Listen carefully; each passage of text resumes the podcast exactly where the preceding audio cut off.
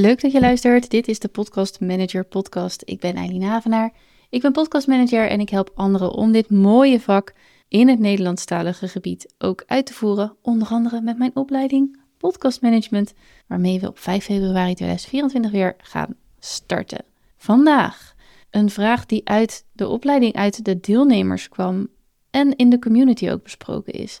Namelijk, moet je je KVK-inschrijving wijzigen als je podcastmanagement gaat aanbieden? Stel je bent VA, je bent fotograaf, je bent tekstschrijver of je doet iets heel anders en je gaat podcastmanagement in je aanbod opnemen. Of misschien switch je wel helemaal naar podcastmanagement. Heel tof, maar hoe zit het aan de administratieve kant? Hoe zit dat bij de Kamer van Koophandel? Allereerst, voor echt het beste advies, neem je natuurlijk contact op met de Kamer van Koophandel zelf en met de Belastingdienst, want die hebben daar ook mee te maken. Maar ik kan je er wel even mee doorheen nemen waarom en hoe dit nu precies zit. Als jij bij de Kamer van Koophandel een bedrijf inschrijft, dan krijgt jouw bedrijf een bepaalde code, een SBI-code.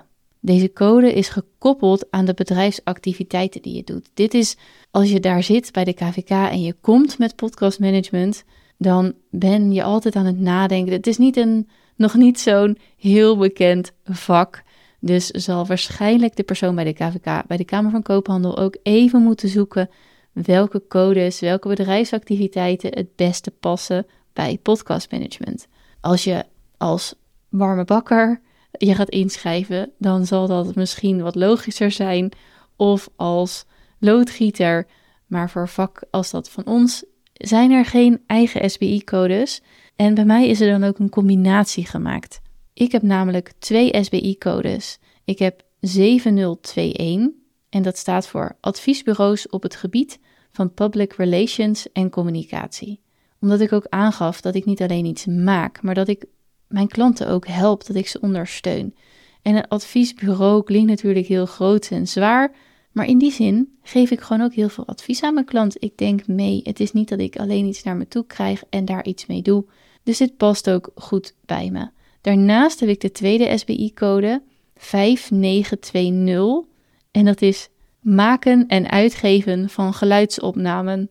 Ja, het is ook iets wat net niet, net wel, inderdaad. Ik maak ook geluidsopnamen, dat doe ik nu ook.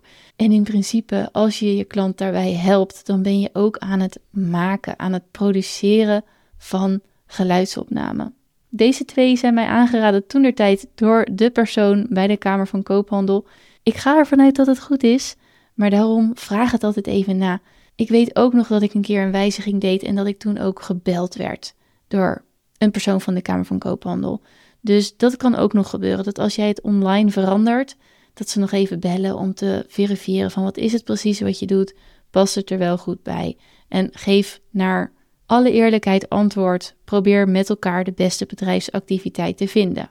Zelf de SBI-code van je bedrijf wijzigen kan via de website van de Kamer van Koophandel. Maar daar staan een aantal dingen bij die ik nog eventjes hier voor je alvast wil vertellen. Wat ze namelijk doen is als jij een bedrijfsactiviteit wijzigt, dat dat door wordt gegeven aan de Belastingdienst. Als er bijvoorbeeld bij jou een BTW-verschil gaat optreden, als jij tekstschrijver was voor journalistieke producties, dat heb ik zelf ook gedaan. Ik heb bijvoorbeeld een hele tijd, echt meer dan tien jaar geleden, misschien wel vijftien jaar geleden, heb ik voor de lokale krant geschreven. Die activiteiten, die zijn niet belast met BTW. Die zijn vrijgesteld van BTW. Het werk dat wij doen als podcastmanager is over het algemeen voor iemand die er commercieel belang bij heeft. Dus een podcast die je maakt voor kunst, als een kunstvorm, daar zou dat nog anders voor kunnen zijn. Maar als jij een organisatie of een ondernemer helpt met een podcast en die het als marketingkanaal inzet, dan is het een commercieel iets en wordt er dus ook, ik sla me even plat hoor, wordt er dus ook gewoon 21% BTW over geheven.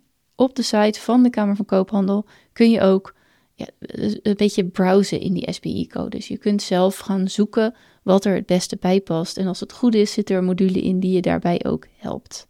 En de SBI-code is niet iets wat je zomaar regelt en dat het dan alleen geregistreerd staat bij de Kamer van Koophandel. We hebben af en toe natuurlijk wel het gevoel dat de KVK niks doet. Maar het heeft ook te maken met allerlei andere systemen. Dus ik had het net al over de Belastingdienst.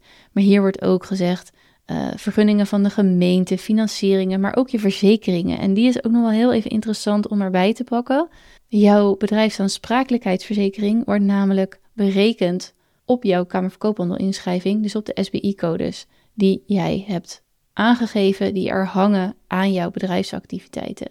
Ik doe hier echt een gooi naar totale aanname, maar ik kan me voorstellen dat de bedrijfsaansprakelijkheid voor een loodgieter hoger is, of dat de verzekering duurder is dan voor mij. Want als een, loodgieter een verkeerde waterpijp eruit trekt, dan is er natuurlijk ontzettend veel schade in een woning en kost dat heel veel geld.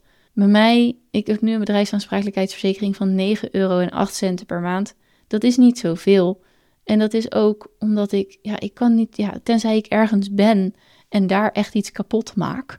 Maar in principe is de schade die ik iemand kan berokkenen relatief beperkt als podcastmanager. Dus bij dit soort instanties wordt er ook echt gekeken naar je SBI-code. En dat kan een voordeel zijn of een nadeel. Misschien was je wel loodgieter en ga je nu podcastmanager worden. Dan zal waarschijnlijk je bedrijfsaansprakelijkheidsverzekeringspremie iets naar beneden gaan. Totale aanname, maar wie weet. Nee, het, het gaat er gewoon om dat je netjes zaken doet. Dat, ik ben ook echt een voorstander van laten we gewoon doen zoals we het hebben afgesproken. Ga netjes zaken doen. Dus dit is een administratieve handeling die daar ook bij past. En waarvoor ik ook mijn deelnemer Jessica bedank, omdat zij dit naar boven heeft gebracht. Omdat zij dit vraagstuk ook heeft neergezet in de community. Waardoor ook andere podcastmanagers en ikzelf ook weer even zijn gaan nadenken van... hé, hey, wacht even, klopt dit nog wel?